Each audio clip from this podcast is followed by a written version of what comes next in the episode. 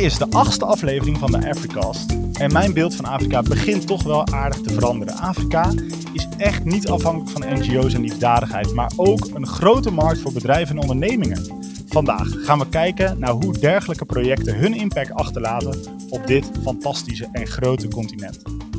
Kunnen opdrachten voor overheden zoals het organiseren van drinkwater en verwerken van afval ook uitdagingen voor ondernemers zijn?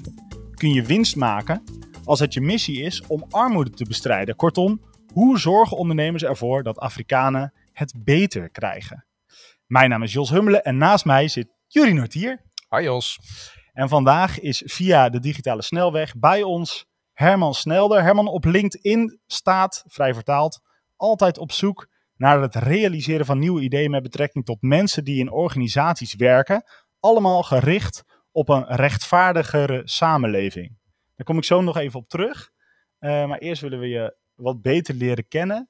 Uh, ik zat te denken, Herman, als je één land in Afrika moest kiezen om de komende tien jaar te gaan wonen, waar zou je dan gaan wonen?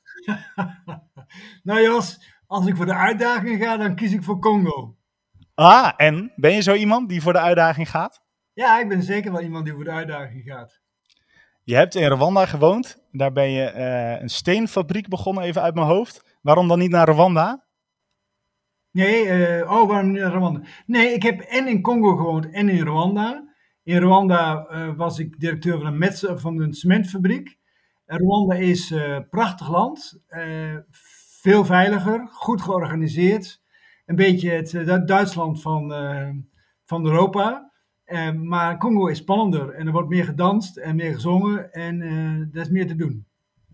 Wat is er zo spannend aan Congo? Nou, Congo is natuurlijk een failed state, zoals dat heet. Hè? De, de overheid die functioneert van geen kant. En dat was in de jaren, uh, begin jaren tachtig, toen ik werkte, ook zo. Dat is alleen maar eigenlijk slechter geworden.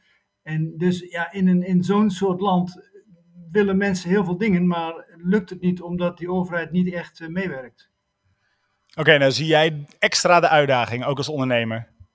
Nou, als ondernemer moet je daar wel twee keer uh, zeg maar je, je geld tellen.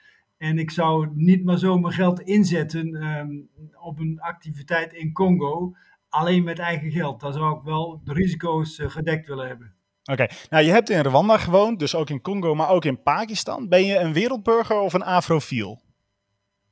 Nou, meer een afrofiel. Hoe komt dat? Ik denk omdat uh, mijn carrière, de eerste tien jaren, waren in Congo en Rwanda. En dat vormt je wel het meest. Wat heeft je dat gebracht? Dat heeft mij uh, inzicht gebracht in uh, hoe, hoe goed en hoe slecht mensen het kunnen hebben. Hoe belangrijk en onbelangrijk armoede is. hoe mensen overal ter wereld de goede dingen willen doen. Ja, en, het, en de ruimte en het avontuur. Ja, dat avontuur hebben we, dat, dat, dat is ook wel iets wat, je, wat, je, wat al een paar keer terugkomt. Hebben we nou een echte ondernemer puur zang aan de lijn? Of zie je jezelf niet zo? Nou, goeie vraag.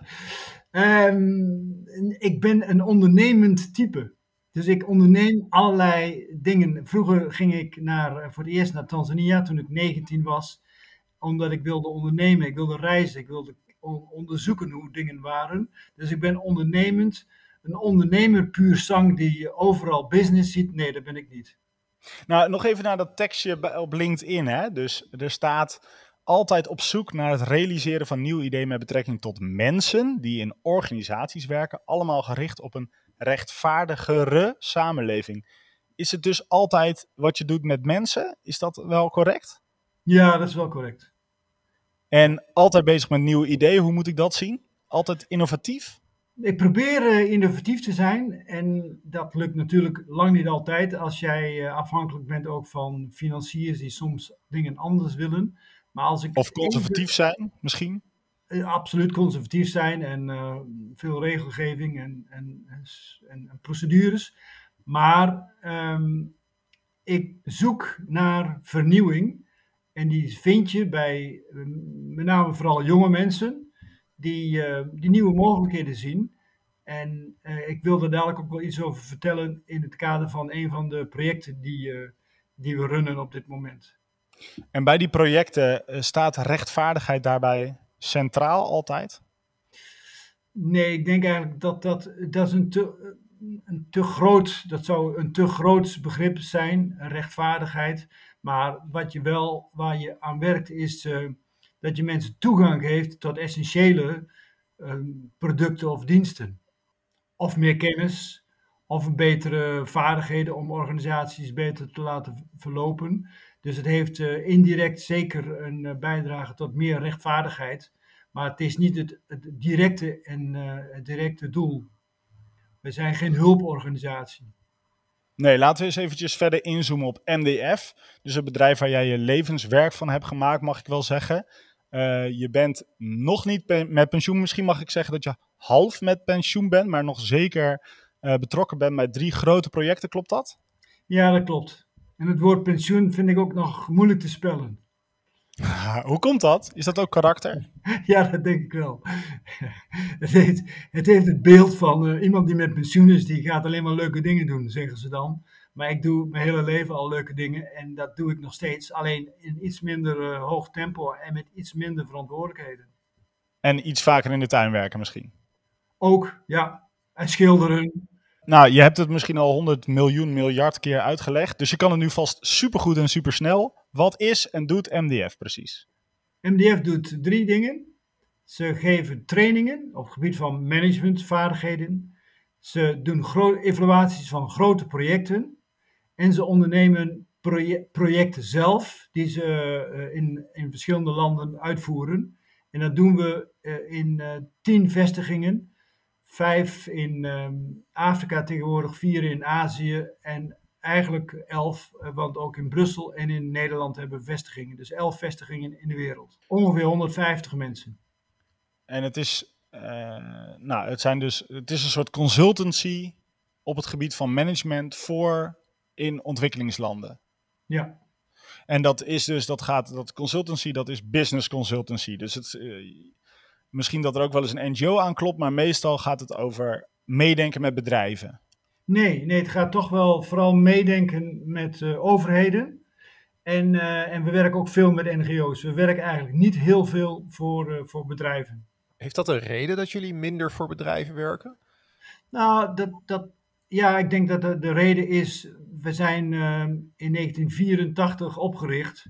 En toen waren er überhaupt bijna geen bedrijven die zich bezighielden met ontwikkelingssamenwerking. Dat is toch echt iets van de laatste tien jaar. Dus onze, onze roots liggen in, um, ja, in het werken met overheden en met NGO's veel meer dan met bedrijven. En in hoeverre verschilt de manier van MDF als het gaat over ontwikkelingssamenwerking met ja, zeg maar de government-to-government uh, uh, hulp? Uh, je kunt ons zien als een organisatie, als een bedrijf die uh, in de markt kijkt en uh, ontdekt welke mogelijkheden er zijn om, projecten, voor projecten in te schrijven en, uh, en een, een, bod te doen. Dus in die zin zijn we gewoon commercieel, want op die markt opereren heel veel organisaties die hetzelfde willen. in die zin ja, is er niet zoveel verschil, veel verschil met bedrijven die vandaag de dag via RVO ook projecten binnenhalen. Ja, behalve dat je je echt richt op het creëren van impact. Uh, impact is een woord wat alweer een beetje versleten is misschien. Juist ook omdat het her en der ook wordt misbruikt, uh, zie ik zo om mij heen. Kun je het eens afbakenen? Wat is impact precies? Veranderingen bij gedrag van uh, mensen en organisaties. Veranderingen. Dus impact is, mensen hebben ineens toegang tot water of um, mensen hebben toegang tot goede publieke uh, uh, toiletten. Of mensen hebben toegang tot een landregistratiesysteem. Of mensen hebben een opleiding die hen in staat stelt om een, een goede baan te vinden. Dat is impact. Dus als, als jullie project is afgerond, is er een zichtbaar verschil voor de lokale bevolking uh, met de periode van voordat jullie een project zijn begonnen. Dat is eigenlijk waar het met name om draait. Daar draait het inderdaad altijd om. En dat is ook het moeilijke, want je kunt uh, wel dingen uh, brengen. Hè? Je kunt trainen, je kunt opleiden, je kunt organisaties bouwen, je kunt allerlei dingen doen, watervoorzieningen, noem maar op. Maar het gebruiken ervan is, is twee. Hè? Gaan mensen publieke toiletten gebruiken? Gaan mensen waterbronnen gebruiken? Enzovoort. En gaan ze daarbij, wordt hun situatie daarbij beter? Want dat, daar, daar, daar wil je aan werken. Maar dat is een, beetje voorbij je eigen controle. Je, je, je hebt daar geen, uiteindelijk geen grip op. Mensen bepalen zelf wat ze anders gaan doen. Is daar begrip voor uit, uh, uit overheden? Dat je wel projecten draait, ook wel vanuit commerciële hoek. Terwijl je achteraf zegt, ja, ik heb niet altijd 100% grip op de uitkomst. Ja, dat is een heel moeilijk, uh, moeilijk dat is een dilemma. Die overheden die willen heel, die dromen en die zeggen wij hebben een miljoen euro over om dit of dat te realiseren, impact. En ze weten ook wel dat, um, dat je dat niet maar zo bereikt. Dus alle aanbieders, zoals ook wij, doen, doen, hun best om een heel mooi voorstel te maken met we gaan dit en dat en dat doen en dat leidt tot dat resultaat. En daardoor krijgen we impact. Dat is op papier? Dat is op papier. Nou, en dan uh, wordt er gewerkt en, uh, en bereik je niet altijd die impact die je zou willen. En dan zegt die donor, eigenlijk zeggen ze, als je geen fouten gemaakt hebt, dus als je kunt laten zien dat je je uiterste best gedaan hebt om het voor elkaar te krijgen, gaan ze je bij wijze van spreken niet vervolgen of het geld terugvragen. Maar als je er een zootje van maakt, dan wel. Dan, uh, dan krijg je een procedure en, en kom je op een zwarte lijst. Dus je hebt wel een belang bij om uh, altijd je best te blijven doen. Maar is MDF uh, niet bij uitstek een, een bedrijf wat net, net, wat efficiënter nadenkt over dat soort processen? Juist ook omdat je commercieel of commerciëler bent ingesteld dan de gemiddelde NGO? Jazeker. Om niet, dat, dat laatste wil ik, ik weet niet of NGO's dat niet doen. Maar ik weet wel dat wij het wel doen, omdat uh, bijvoorbeeld uh, gaande de rit worden wij behoorlijk uh, gecontroleerd door bijvoorbeeld de donor. Hè. De, de, de, donor is dan een overheid of een ambassade die echt wel kijkt van doen jullie wat jullie gezegd hebben en doen jullie dat goed en rapporteren jullie daarover. Dus in die zin ja, denken we er goed over na en moeten we ook voortdurend in gesprek om uit te leggen waarom we afwijken van wat de bedoeling was. Nou, we gaan er steeds meer toe naar, we gaan, komen zo meteen ook wel op specifieke voorbeelden van projecten. Maar nog heel klein, heel eventjes uh, iets algemener, want hoe krijgt dat vorm in Afrika? Hoe zien de projecten er zeg maar globaal uit? Nou, je hebt, eigenlijk kun je daar geen antwoord op geven. Het, zijn, het is, zo'n groot spectrum van hele kleine, bijna individuele acties die we projecten noemen, hè, van, van kerken of van kleine organisaties, tot en met uh, gigaprojecten van de Europese Commissie of de Wereldbank. En dat zijn dan ineens uh, miljoenen projecten. Dus je hebt een veelheid van, uh, van projecten.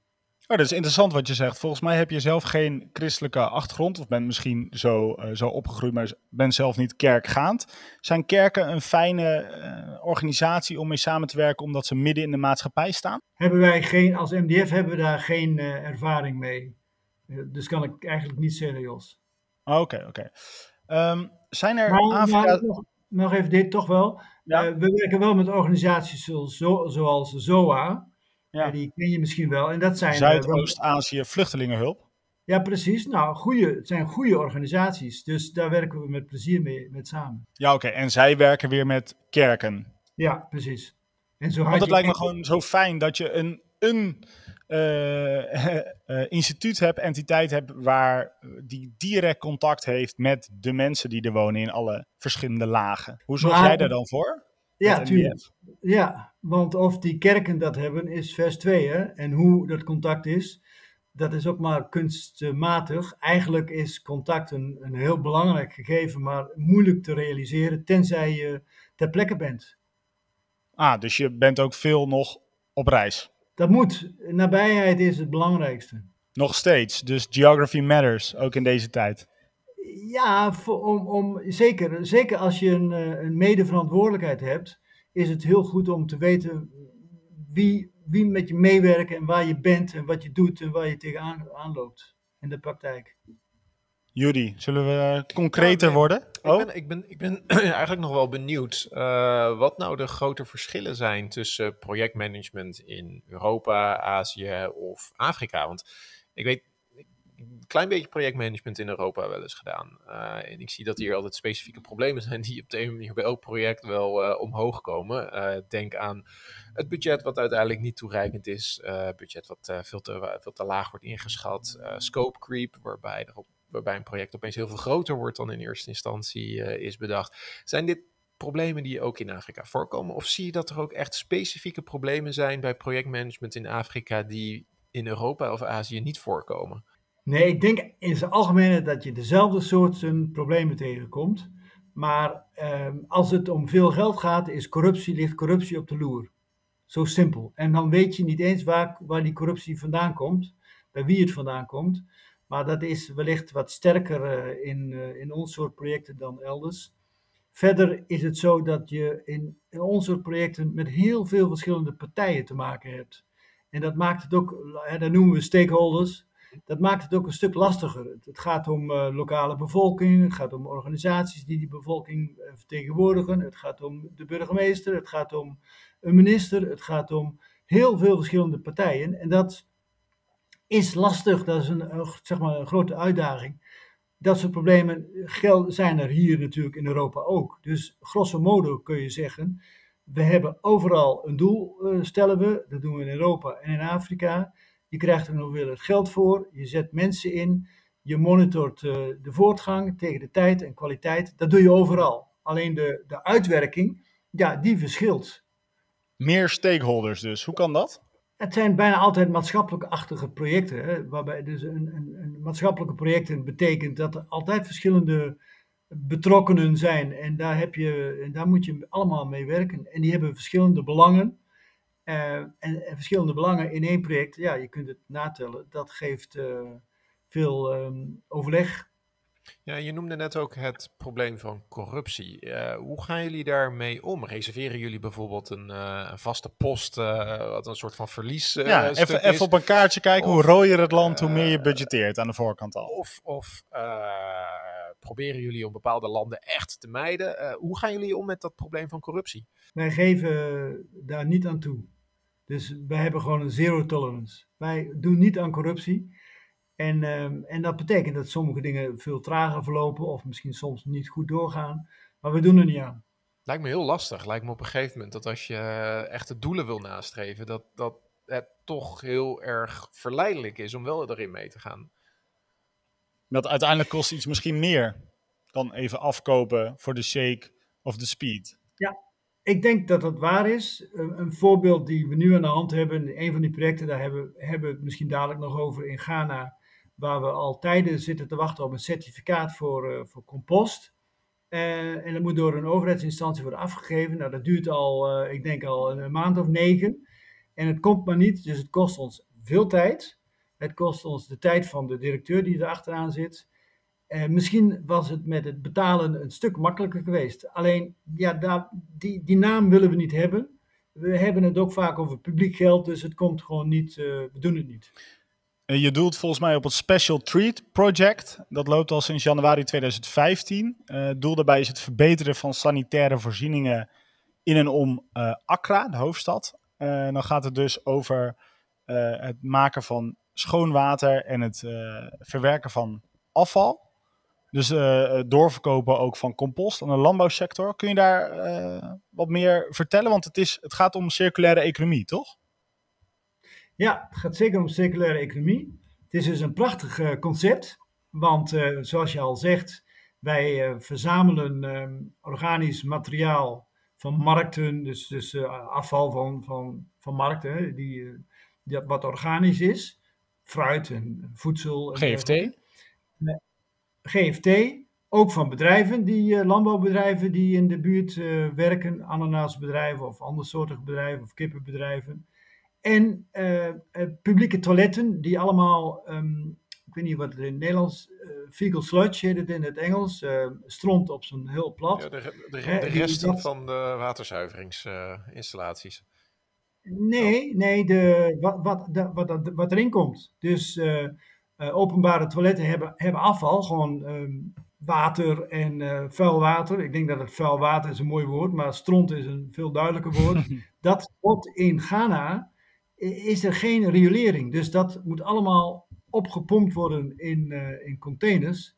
En die containers worden nu ergens geloosd, illegaal, in de oceaan of langs de kant van de weg, waar er geen mensen wonen. En ons project is bedoeld om dat water, dat vuil water, te verzamelen, uh, in te dikken. Uh, enerzijds te onderscheid, een onderscheid dan te maken in uh, schoon water en de, de, de droge stof, digistaat heet dat. En digistaat mengen we met organische materialen van de markt en van bedrijven. En, um, en daar, daar wordt compost van gemaakt. Dus het eindresultaat van ons project is schoon water. Wat voorheen werd geloosd, uh, zowel in de oceaan als uh, gewoon overal. En um, compost om, um, voor boeren. En dat is ook een deel ter vervanging van kunstmest. Is vervanging van kunstmest, ja. Nou. Inderdaad, een project waar uh, heel veel stakeholders ook profijt van hebben. Niet alleen omdat het uh, de omgeving een stuk uh, fijner om in te leven maakt, maar dus ook boeren direct raakt. Ja, ja precies. Dus dat is een voorbeeld van waar, waar heb je allemaal mee te maken. Je hebt te maken met, nou ja, met diegenen die, die die publieke toiletten beheren, hè, die operators. Je hebt te maken met lokale overheden, gemeentes die een belang hebben dat het bij hun goed geregeld is en dat er geen afval overal uh, komt. Je hebt te maken met een uh, ministeries, want uh, nou ja, het gaat over landbouwbeleid en over compost. Je hebt te maken met, met concurrenten die ook zoiets doen. Je hebt te maken met boeren en boerenorganisaties. en in het specifieke geval hebben we ook nog te maken met de gevangenis, waar 4000 gevangenen um, ook hun uh, behoefte moeten doen. En ook dat is voor ons een, een bron van, van intake van, van de... Kijk, dan dragen die ook nog een steentje bij aan de maatschappij. Ja. Maar en je moet het uitleggen aan iedereen, denk ik. Mensen op de markt moeten wel snappen, of tenminste, dat lijkt mij belangrijk, of niet? Nee hoor, die hoeven mensen op de markt die, die kopen en die verkopen. Maar de jongelui die, die, die al die rotsen zien en denken van dat gaan we brengen naar die, uh, naar dat, uh, naar die fabriek, die plant van, uh, van MDF, of van Special Treat. Die doen dat en die hebben er meteen een belang bij, want die verdienen daar een paar centen voor, bij. Maar dit klinkt als een project waar, nou, om het heel leuk te zeggen, alleen maar winnaars zijn. Is dit dan ook een project waarbij jullie ook echt tegen problemen aanlopen? Ja, inderdaad, het, is een fantastisch concept. En we lopen tegen ongelooflijk veel problemen aan, al sinds 2015. En waar heeft dat mee te maken? Um, nou, het, niet zo leuk natuurlijk om te zeggen, maar de partners die wij uh, gekozen hebben in Ghana, is tot twee keer toe hebben we verkeerde keuzes gemaakt. Oftewel, die partners zijn afgehaakt. Hmm, om welke redenen dan? Uh, want, uh, nou, omdat ze, dit soort projecten duren lang. Voordat je alles voor elkaar hebt, ben je zo vijf jaar verder. En, en, en zij moesten ook een bijdrage leveren, want dit is een project waar, waar de, degene die het organiseren, dus wij, MDF en haar partners, 30% van de investering zelf moeten opbrengen. Ah. Dus ook onze Ghanese partners moesten geld opbrengen. Ja, en dat vinden ze um, met die lange tijdshorizon van terugverdienen uiteindelijk een groot probleem. En dus uh, zijn ze tot twee keer toe afgehaakt. Dat is een belangrijk gegeven geweest waardoor we enorme vertraging hebben opgelopen en dus ook uh, duurder uit zijn dan we oorspronkelijk gedacht hadden. Dus die lange termijnvisie ont, ontbrak in twee gevallen? Ja, heel veel, uh, heel veel ondernemers, uh, met name ook in Afrika, die denken wel echt wel korte termijn hoor. Hoe komt dat? er moet, ja, ik denk dat het te maken heeft met zekerheid en met vertrouwen. Er is een, je moet vandaag geld verdienen en niet overmorgen. Want overmorgen weet je niet wie, wie in de regering zit, wat de situatie is in het land. Dus er is een algemene tendens om snel geld te verdienen. Er is niet veel vertrouwen. Uh, ik weet niet hoe het daar gaat in Ede, bij jou Herman. Maar hier is, uh, we zijn over de mooie markt in Accra aan het praten. Die waarschijnlijk uh, meestal lekker zonnig is. Maar ik zit hier weg te regenen. Hoe gaat het daar? Nou, hier regent het niet, want alles valt bij jullie. het is tijd voor de column van de week met Henrik Broeier. Projectmanagement in Afrika. Ik vrees dat het voor de meesten als een onsaai onderwerp heeft geklonken. Velen zullen zich er al nauwelijks toe kunnen zetten na te denken over wat projectmanagement dan precies inhoudt. Laat staan als het ook nog eens zo ver weg is als in bijvoorbeeld Congo-Kinshasa. Een compliment dan ook aan de luisteraars van onze podcast, die ook nu weer zijn ingehaakt en zelfs tot mijn column hebben weten vol te houden. Maar vergelijk de aandacht die gaat naar zoiets belangrijks als de economische toekomst van hele continenten. Een toekomst die wordt verzekerd door dat projectmanagement, maar eens met de aandacht voor minimaal grensconflict ergens aan de Middellandse Zee. Maar ja, minimaal. Een paar duizend raketten heen en weer hebben ook wel zo een impact natuurlijk. Mijn punt is vooral dat we beter voor ogen moeten hebben waar onze prioriteiten zouden moeten liggen. We ons steeds bewust zijn dat de waan van de dag enorm interessant is en natuurlijk relevant kan zijn, maar de lange termijn minstens net zo relevant is. Dus dat we niet enkel kijken naar wat de IDF doet, maar ook wat de MDF doet. En kritisch zijn. Zoals, uh, zoals niemand ontgaan kan zijn, proberen wij met onze podcast vooroordelen weg te nemen. Vooroordelen die in de weg staan van de gemeenschappelijke ontwikkeling, ontwikkeling van Europa en Afrika. Het is echter ook steeds belangrijk na te denken over wat er beter kan in onze samenwerkingen. Wees kwaad als projecten mislukken en er geen lessen uitgetrokken worden. Voel de ophef als corruptie voor lief wordt genomen. Want ach hè, zo is de situatie nou eenmaal in Nigeria. Gelukkig hebben we onze nieren nog. En wees vooral ook kritisch op vrienden en kennissen die op werkvakantie gaan naar Afrikaanse landen. Op zij die onder de vlag van goed doen, maar eigenlijk ter meerdere eer en glorie van hun ego en zonder scherpe blik daar aan het werk gaan voor een week of twee. Daar in werkelijkheid vooral als pinautomaat dienen. Zogenaamd omdat we het toch wel kunnen missen en de mensen daar zo zielig zijn. En oh ja, ook nog even die foto op Insta met een lachende Ghanese of baby. Zachte heelmeesters maken stinkende wonden en nemen de mensen daar net zo serieus als wij onszelf. Als wij integer zaken kunnen doen, dan kunnen de mensen aan de andere kant van de zee dat ook. En omgekeerd. Als ze daar corrupt zijn of verkeerde intenties kunnen hebben, dan geldt dat voor ons waarschijnlijk net zo goed. Al lijken die intenties op het eerste gezicht aanwezig. En, al, en als wij mooie salarissen kunnen krijgen voor het werk dat wij doen, dan kan het werk dat de mensen daar doen toch niet geheel waarloos zijn. Dan betaal je de mensen daar toch om wat ze doen en niet om wat we van ze vinden of bij ze voelen. Mijn stelling voor vandaag is: de mensen in Afrika nemen je serieus door serieuze zaken met ze te doen. Ben je het eens met die stelling, Herman, of helemaal oneens? Nee, nee helemaal mee eens. En ik denk ook dat uh, neem men, iedereen serieus waarmee je werkt. Kijk ook naar kwaliteiten van mensen. Uh, altijd. Uh, de tijd dat, dat Europeanen met goede ideeën en kennis daar in Afrika leuke dingen doen en nuttige dingen doen, is voor een groot deel voorbij. In die zin dat het een samenwerking is. Het is al lang niet meer zo dat het een eenrichtingsverkeer is. een project kan alleen maar slagen als je lokaal een organisatie hebt, als je lokaal met mensen werkt en die veel beter dan jij begrijpen wat er moet gebeuren en jij kunt iets toevoegen uh, op gebieden die jij, waar jij eh, expertise op hebt, of omdat je toevallig uh, een donor achter je hebt die geld wil geven voor een goed idee. Maar het is echt, echt samenwerken. En Heb je daar een, uh, je doet dit al een aantal tientallen jaren. Heb je daar een verandering in gezien over de jaren heen? Was het aan het begin anders als, als nu? Ja, dat denk ik zeker.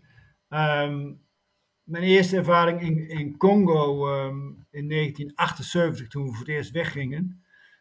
Uh, hoewel ik werkte voor een heel progressieve organisatie, een Belgische organisatie, die uh, uitging van wat mensen uh, daadwerkelijk willen en ook kunnen, en niet van wat wij denken dat ze moeten willen en kunnen. Maar toch was ehm, er toen veel meer een houding van: je moet je moet ons maar zeggen wat we moeten doen, dan gaan we dat doen.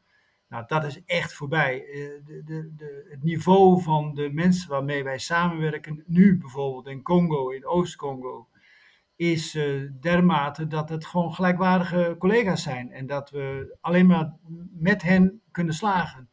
En dat zij dat ook opeisen. Uh, onlangs hadden we een, conflict eigenlijk tussen de mensen van ons kantoor in Congo in, de, in dit project waar we misschien later over zullen hebben. En dat ging eigenlijk om, om uh, wie heeft het hier voor het zeggen. Dus het conflict ging met mensen van de Universiteit van Wageningen uh, over een zienswijze en een benadering bij conflicttransformatie, moeilijke woorden allemaal.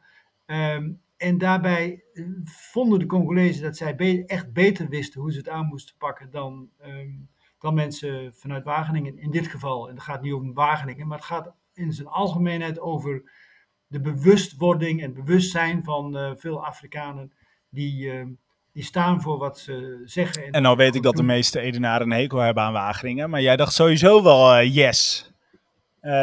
Empowerment. Nee, nee, nee.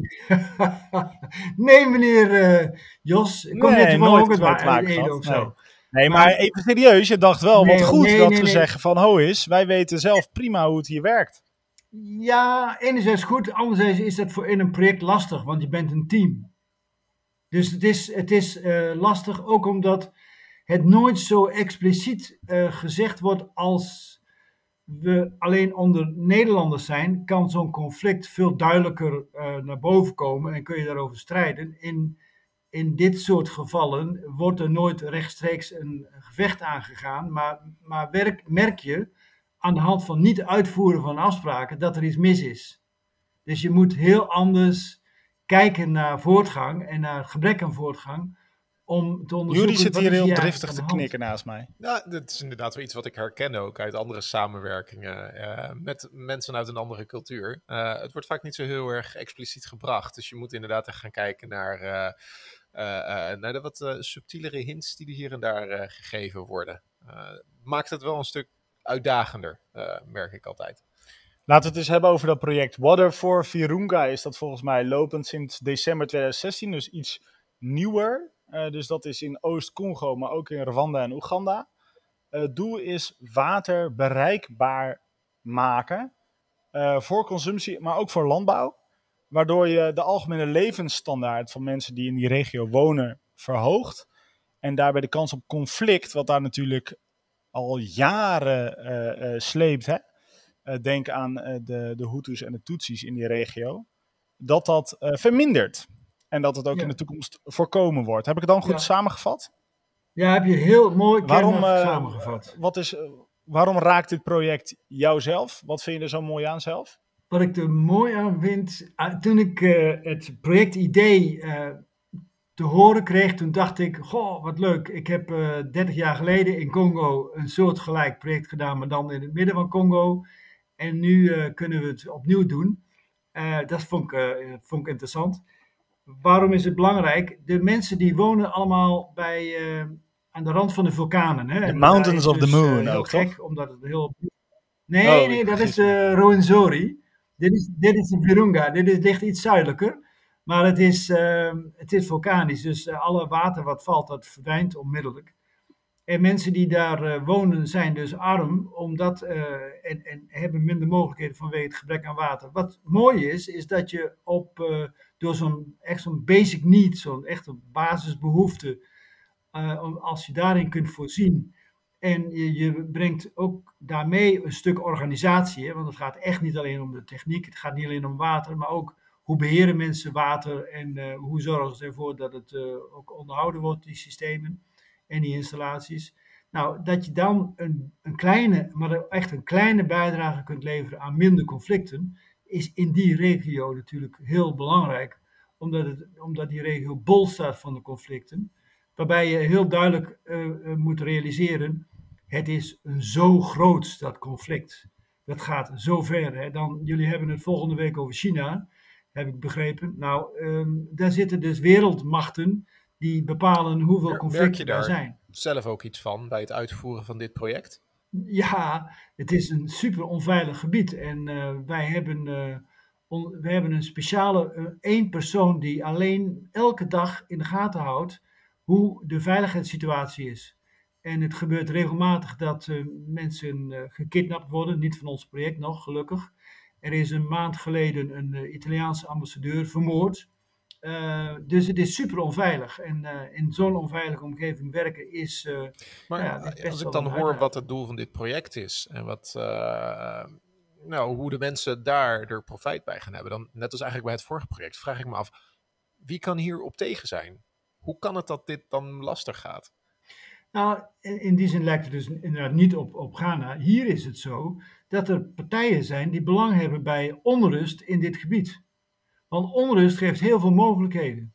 Het geeft mogelijkheden voor gewapende groepen. Het geeft mogelijkheden om illegaal eh, mineralen te exporteren naar Rwanda of waar dan naartoe. Ehm, of hout te kappen wat niet meer mag. Dus er zijn mensen in dit gebied die belang hebben bij onrust. En die zijn helemaal niet, dat zijn andere mensen dan diegenen die gewoon in dorpen wonen en een klein akkertje hebben of wat vee hebben en behoefte hebben aan water. Nou, Volgens mij eh, is er bijna nergens op het continent zo'n grote tegenstelling tussen orde en regelmaat eh, versus eh, chaos als in de grens tussen Rwanda en Congo. Ben je dat met me eens? Grosso modo. En, en toch werk je in, Helemaal in ieder geval die twee en een derde land erbij. Is dat ook iets waar je veel rekening mee moet houden? Ja, je hebt eigenlijk eh, drie verschillende aanpakken. In, in Rwanda, eh, waar je eigenlijk hetzelfde doet in projecten. Ehm, maar dan werk je met een sterke overheid die zegt, eh, nou, je mag daar werken en daar werken en daar werken. En dan doe je met die partij en die partij en die partij. En volgens onze regels, punt. In eh, Oeganda is het wat losser. Heb je iets meer zeggenschap, en, maar is er ook iets meer organisatie, bijvoorbeeld van Nationale Waterorganisatie, die, die de waterleiding aanlegt die je, wilt, eh, die je gepland hebt, of die de mensen gepland hebben. En in Congo is er niets, dus dan moet je, eh, maar er is wel een overheid, alleen die overheid heeft geen operationele organisaties die water brengen. Die functioneren gewoon niet. Dus je werkt in Congo in zekere zin in een soort vacuüm. Alleen, je zult wel moeten werken met de overheden, want als je eh, om hen heen werkt of zonder hen, gaan ze je vroeg of laat te pakken nemen. Is dat überhaupt werkbaar, zo'n situatie? Nou, laat ik zeggen dat het, dat veel tijd kost. Ehm, maar het is wel werkbaar. Want in zo'n eh, situatie als in Congo heb je, ehm, hebben wij ook een organisatie. MDF heeft daar een kantoor. En daar werken eh, iets van 15 eh, Congolezen. Met hen kunnen we dit project uitvoeren. Eh, alleen het is ongelooflijk veel tijd ben je kwijt met het ehm, informeren van eh, autoriteiten, of dat nou de lo- lokale minister van Energie is, of dat het een eh, burgemeester is of een traditionele chef. Je bent heel veel tijd kwijt met het, ja, het goed in de gaten houden hoe de sociale verhoudingen zijn. ehm, waarbinnen je dadelijk zo'n technische vooruitgang kunt brengen. Dat is veel moeilijker dan in Rwanda. Klopt het dan dat je eigenlijk meer met people management bezig bent dan met projectmanagement? Nou, en en zou ik zeggen. Je bent, dus onderdeel van je projectmanagement is om met, eh, met, partij, met mensen en groepen eh, om te gaan en ervoor te zorgen dat ze weten wat er gebeurt en, en erachter gaan staan. Dat is een onderdeel van je project eigenlijk. Dus het project is, eh, wat wij ook altijd zeggen, en, en, want je, je zult je misschien afvragen, kan MDF dit allemaal? Nou, dit soort projecten doen wij met, met technische partijen. In dit geval de Universiteit van Wageningen, als het gaat om waterbeheer, eh, met een, een, ingenieursbedrijf in Nederland, Witteveen en Bos, die eh, zorgen voor de waterfaciliteiten, dus de, de pijpen en de, de installaties. We hebben een, een internationale NGO die voor gorilla conservation werkt, omdat het ook een beschermd Ja, dus je bent ook echt een middleman als NDF.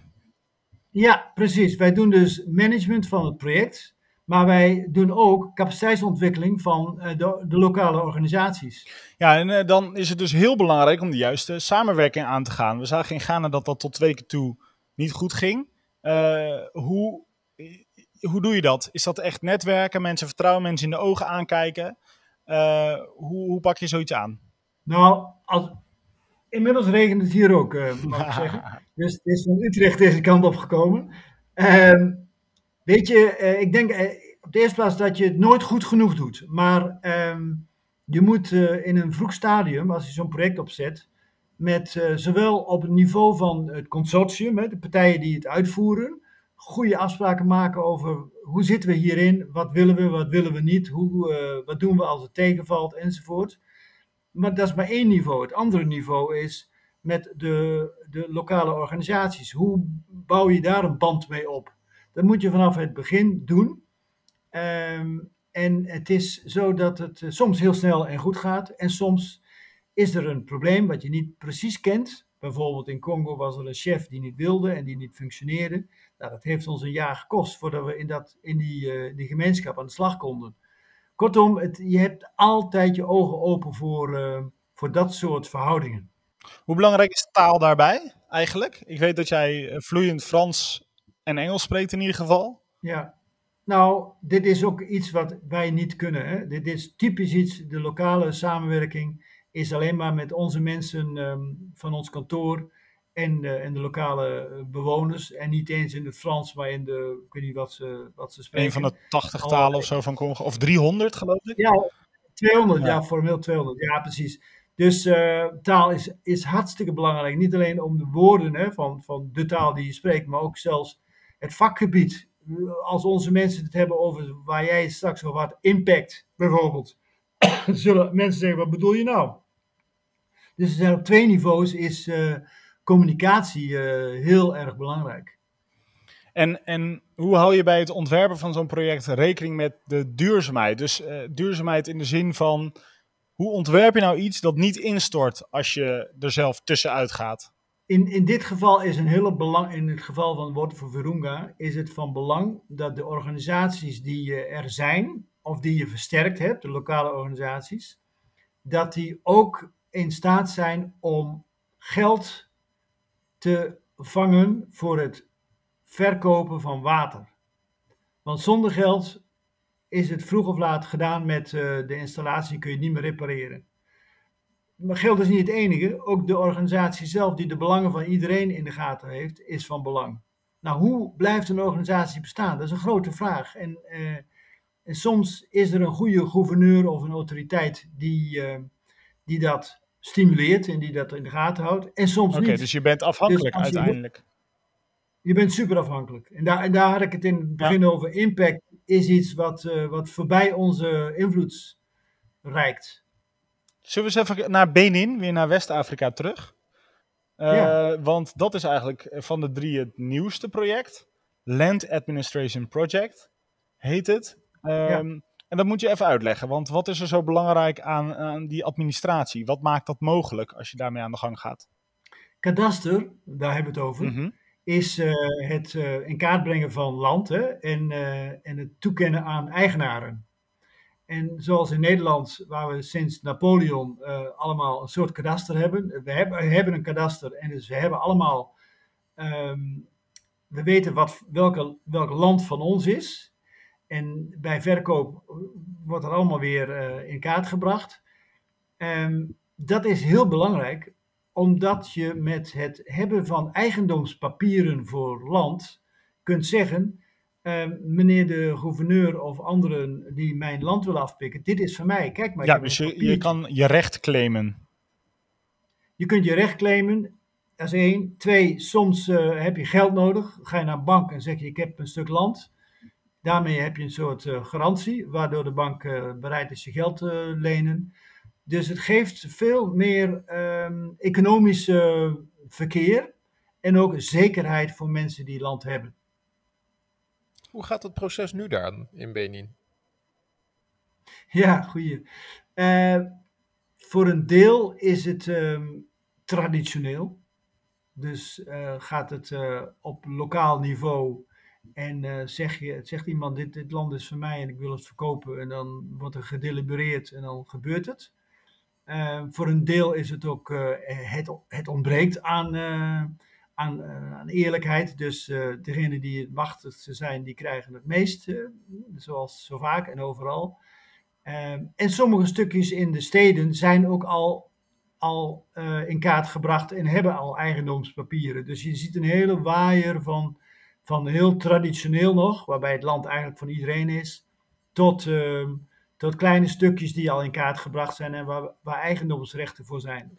En, de, en het is dus de bedoeling dat in Benin voor het hele land eh, zo'n systeem opgetuigd wordt dat iedereen weet welk land van wie is.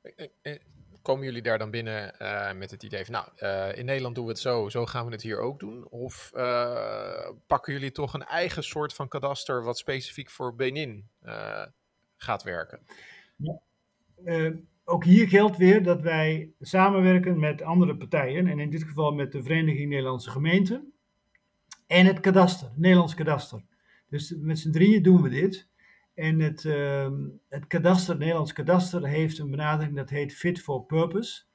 En die zoeken eigenlijk ehm, in de gegeven situatie van Benin, wat is hier nou een, een handige manier en hoe precies moeten we hier zijn om uh, land in kaart te brengen? Met de middelen die mensen hebben, met, uh, met de technische middelen. Dus via de Fit for Purpose is er een soort aangepaste benadering gekozen voor, uh, voor Benin. En die ligt dan voor aan de beslissers. Dus dat zijn organen net onder het ministerie. En die zeggen, ja, dit is voor ons een goede benadering. Want, want dat is belangrijk. Van, in Benin is het namelijk een ex-Franse kolonie. Die hebben heel veel op papier staan. Dus het moet allemaal precies volgens het papiertje.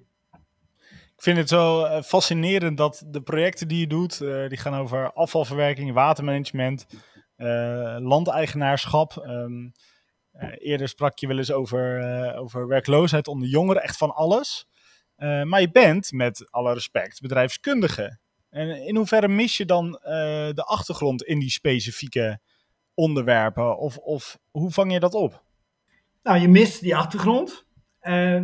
In mijn tijd als uh, directeur van de cementfabriek in Rwanda heb ik altijd mezelf voorgenomen: leer nou hoe het technisch proces goed in elkaar zit. En de, de materialen die je gebruikt en, en de verhoudingen van mengen enzovoort. Dus in een, als je zelf in een project zit, moet je de bereidheid hebben om je zoveel mogelijk te verdiepen in het eh, technische proces. Maar daar zijn andere mensen voor om het te doen. Alleen je moet het wel een beetje snappen. En dat zie ik uh, bij onze projectmanagers. Ik ben dus niet de projectmanager, ik ben de projectdirecteur, ik sta er wat verder vanaf. Maar onze projectmanagers, die uh, bijvoorbeeld die van Benin, ja, die heeft zich in het begin ongelooflijk mhm. ingewerkt en ingeleefd uh, over wat zijn nou de, de uitdagingen bij kadaster en hoe werkt het nou precies. Dus je moet het, je moet het aanvoelen hoe het zit, maar je hoeft, moet het niet overnemen, want daar zijn de specialisten Ja, maar je moet dus wel heel nieuwsgierig zijn, niet alleen hoe zoiets werkt, maar ook hoe zoiets lokaal werkt. Zeker, ja. Ja, want kan, ja. kan ik als, uh, nou, als westerse projectleider, kan ik gewoon mijn Prins 2 uh, methodeboek uit de kast trekken en kan ik daar gewoon uh, gelijk aan de slag? Of is het niet zo simpel? Jury zoekt nog werk, Herman. ja, um, nee, ik denk als jij Prins 2 beheerst, dan moet jij, hetzelfde als met Fit for Purpose... Hey, ik rem jullie even af, heren. Prins 2. Dat is een projectmanagement methodiek. Uh, wordt ah, eigenlijk door uh, de hele wereld wel gebruikt. We hebben ook luisteraars, hè? Uh, Kom je nu mee? Oké, okay, nee, ik heb hem. Herman? Ja, nee, de, de, nou, wij gebruiken geen Prince 2, maar we hebben een andere methode, die heet Logical Framework. En uh, dat probeert op een logische manier al die doelen en activiteiten en resultaten in, kaart te brengen. Kijk, dat is een algemeen aanvaard management tool in dit soort projecten. Alleen, het is star. En als een, een, een opdrachtgever, dus een donor, zegt: Moet je luisteren, dit hebben jullie toen gezegd, dat moet je doen. En als je er vanaf wijkt, heb je een probleem. Dan is dat heel erg lastig. Dus een, een management tool die star is, in zo'n context, is niet zinvol volgens mij. Wat wel belangrijk is, is uh, de, de piketpaaltjes slaan. Waar wil je uiteindelijk komen? En hoe je er precies komt, moet je flexibel laten afhangen van de situatie en het inzicht van de deskundigen, vind ik. Dus die, oké, okay, is bijna een soort van uh, agile project uh, methodiek, zoals we dat in de IT ook wel eens gebruiken. En een uh, situatie waarbij dus, nou, wat ik net ook noemde, eigenlijk vooral met people management bezig bent. Ja, precies. En dat, wij gebruiken dat ook voor het ontwikkelen van software in Benin, met een soort agile benadering, ja. Van alle projecten en ondernemingen waar je aan hebt gewerkt, welke is je het meeste bijgebleven in je carrière, Herman? We hebben het nu over drie gehad. Is daar eentje ja, uit of, of, wil je een andere nog uitlichten? Nou, ik ben een man van uh, de dag, hè? dus ik leef gewoon vooral bij de tijd, bij de heren, in het hier en nu. Echte Afrikaan. Dus uh, ja, zo is het. Ik heb wel iets geleerd. Nou ja, die, uh, die projecten zijn ontzettend interessant. Hè? Zoals straks de column was van het zal wel saai zijn, projectmanagement. Nou, in tegendeel, het is heel erg boeiend. Het is soms gruwelijk frustrerend. Um, Wat voor is spannend omdat het om invoer van buizen gaat op dit moment, waar, uh, waar we niet doorheen komen. vanwege importbelasting. Uh, boeiend, in Ghana gaan we er komen, maar we moeten de centjes bij elkaar vinden. Ik vind dus de projecten, de drie, vind ik super interessant. Maar als je nou zegt, wat is je het meest bijgebleven? dat is toch het project waar ik in het begin van mijn carrière vijf jaar, zowel Rwanda als Congo, dag in dag uit mee bezig was. Dat, vind, dat maakt de meeste indruk. Je bent daar alleen maar mee bezig. En uh, dat vond ik twee fantastische projecten. Zie je nog steeds dus, het resultaat uh, van die projecten waar je echt jaren geleden uh, mee aan de slag bent gegaan? Nee. In, in Rwanda is er ehm, eigenlijk, nou, na de genocide, 94, hè, heeft, het, heeft de activiteit van cement en kalk heeft nog een jaar of zes uh, doorgedraaid. En toen, vanwege het gebrek aan eigenaarschap, is het, uh, is het gestopt. En er zijn talloze mensen geweest die opnieuw hebben willen investeren, maar die geen verstand hebben van cementproductie. En, dus dat is mislukt in, in Congo. nou, in Congo was een van de belangrijkste acties van ons, was het invoeren van ossentractie. En dat lijkt simpel. Sorry, maar ossentractie? Ja, nou, ossentractie, zeg maar de paard voor de wagen, maar dan een uh, os. Ah. Hè, paard voor de ploeg. Oké, ik heb hem. En, uh, Lokale four-wheel drive. en dat hebben wij ingevoerd. Um, en dat was een, een, enorm succes. Nou, dat, dat zie je nog steeds wel een beetje in dat gedeelte. Maar ook daar heb je, je hebt een infrastructuur nodig. Je hebt bedrijven nodig die die ossen uh, uh, ik wou zeggen kweken, maar laten opgroeien, uh, dresseren. Je hebt een smid nodig, je hebt uh, allerlei zaken nodig, je hebt medicamenten nodig. En als dat er niet is vanwege de onrust in een gebied, en ook in dat gebied is er veel onrust geweest in de jaren negentig, ja, dan verdwijnen die, voor, die voorwaarden en dan gaat dit ook weg. Dus uh, nee, veel, veel verdwijnt weer. En je mag hopen dat, uh, dat die kennis er, er, er, wel voorlopig blijft en, uh, en dadelijk als het beter wordt, opnieuw wordt opgepakt. Maak je dat niet ontzettend moedeloos af en toe als je ziet dat iets waar je jarenlang in hebt geïnvesteerd uh, een paar jaar later niet meer bestaat? Of overschat je jezelf gewoon niet en dan zeg je van nou, ik, ik doe wat ik kan en daarna laat ik het los. Nou, het laatste zeker, Jos. ik doe wat ik kan en daarna moet ik het loslaten. Ik vergelijk het wel eens met uh, mensen die in Nederland uh, een, uh, hele, hun hele carrière bij een verzekeringsmaatschappij gewerkt hebben. En dan denk ik, nou ja, als je dan klaar bent met je werk, ben je dan zo tevreden en gelukkig met wat je gedaan hebt of, of niet? Ik denk dat in de tijd dat wij er zijn geweest in die projecten, ehm, we zeker meegewerkt hebben aan een beter leven voor heel veel mensen. En na die tijd uh, gebeuren er andere dingen die je absoluut niet in de hand hebt. En ik word daar niet, uh, ik vind het wel vervelend, maar ik word er niet uh, depressief van, nee. Je bent ook realistisch wat dat betreft. Ja, je moet, je moet leren loslaten. Het is een levensles we hebben het net ook gehad over waar, wat er mis kan gaan bij projectmanagement in Afrika. Maar ik ben zelf ook wel benieuwd, wat is nou eigenlijk het mooiste aan projectmanagement in Afrika? Waarom zouden we dit eigenlijk allemaal moeten doen? En bijvoorbeeld ook die uh, persoon die uh, luistert naar deze podcast en in de verzekeringswereld zit. of al die andere mensen met bullshit jobs. Hè? Ja. Nee, nee, nee, ik heb het niet over bullshit jobs gehad.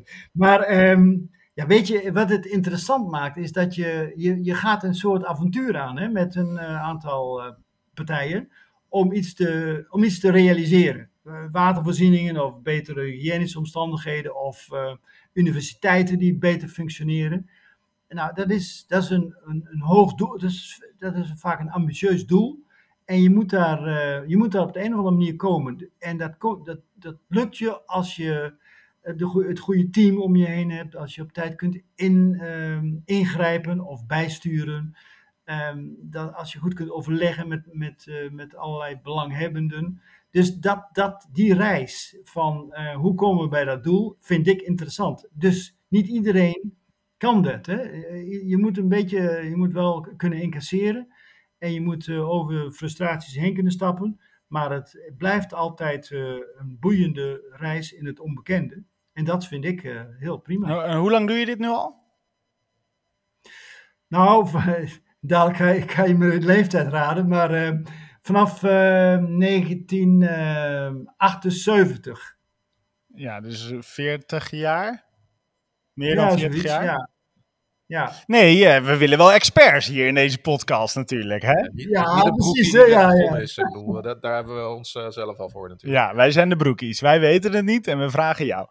Eh, Herman, ehm, ik kan jou zien op de webcam, luisteraar niet. Ik zie twee schitterende ja, kunstwerken. Eén eh, van eh, Mandela en eentje waarbij ik een Maasai-vrouw aan eh, een, een milkshake aan het lurken zie van de McDonald's. Ehm, in hoeverre is Afrika en Afrikaanse cultuur ook echt inspirerend voor jou? Nou, die twee, eh, ehm, even over die twee kunstwerken. Die zijn gemaakt door mijn zoon. Eh, dat is wel belangrijk. En die eh, Mandela is natuurlijk een, een geweldig inspirerende figuur. Hè? Het is ja, de, de, de leider van, van Afrika, wat mij betreft. Met het goede voorbeeld. En die Maasai, dat is een man trouwens, alleen heeft hij voor jou een jurk aan. Een man die, die dan aan zijn McDonald's babytje lurkt. Ja, dat is een beetje een parodie op ontwikkeling. Hè? Is dat dan ontwikkeling? Dat hij nu zo'n McDonald's eh, eh, bekertje in zijn hand heeft. Eh, Afrikaanse kunst is, eh, is ehm, ook mooi. En met name West-Afrika heeft hele mooie, mooie kunst. Ook in Congo. De uitdrukkingen van mensen in beelden en in schilderijen. Ja, vind ik mooi. En, eh, maar is zoals overal bijzonder. En het, en het reflecteert de, de cultuur en de samenleving zelf. We zijn aan het einde gekomen van deze aflevering over sociaal ondernemen in Afrika. Je kunt al onze podcasts terugluisteren via bijvoorbeeld Spotify of je favoriete podcast-app. En laat dan gelijk even een review achter. Eh, als je nou echt heel negatief bent, doe dat dan even niet, maar mail ons. We kunnen er ook nog wat van leren. En ben je of ken je een goede spreker, net als Herman, of weet je een goed en gaaf onderwerp, mail ons dan. Mail dan naar afrikastpodcast.gmail.com afrikastpodcast.gmail.com Bedankt voor het luisteren naar de Afrikast, de podcast van NGZ Nu en SIP Utrecht. Herman, ontzettend bedankt dat je erbij was vandaag. Ik vond het leuk. Juri, tot over twee weken. Herman zei het al, dan is er een hele nieuwe aflevering. Dan gaan we het namelijk hebben over de invloed die China speelt in Afrika. Eindelijk. Ah, of weer. maar dan eh, verdiepen natuurlijk, want ik vraag me wel af: is het land een eh, effectieve investeerder die de mogelijkheden van Afrika ziet? Of is wat we zien gebeuren gewoon een nieuwe vorm van kolonialisme? We leren het over twee weken. Dus tot dan. Tot dan.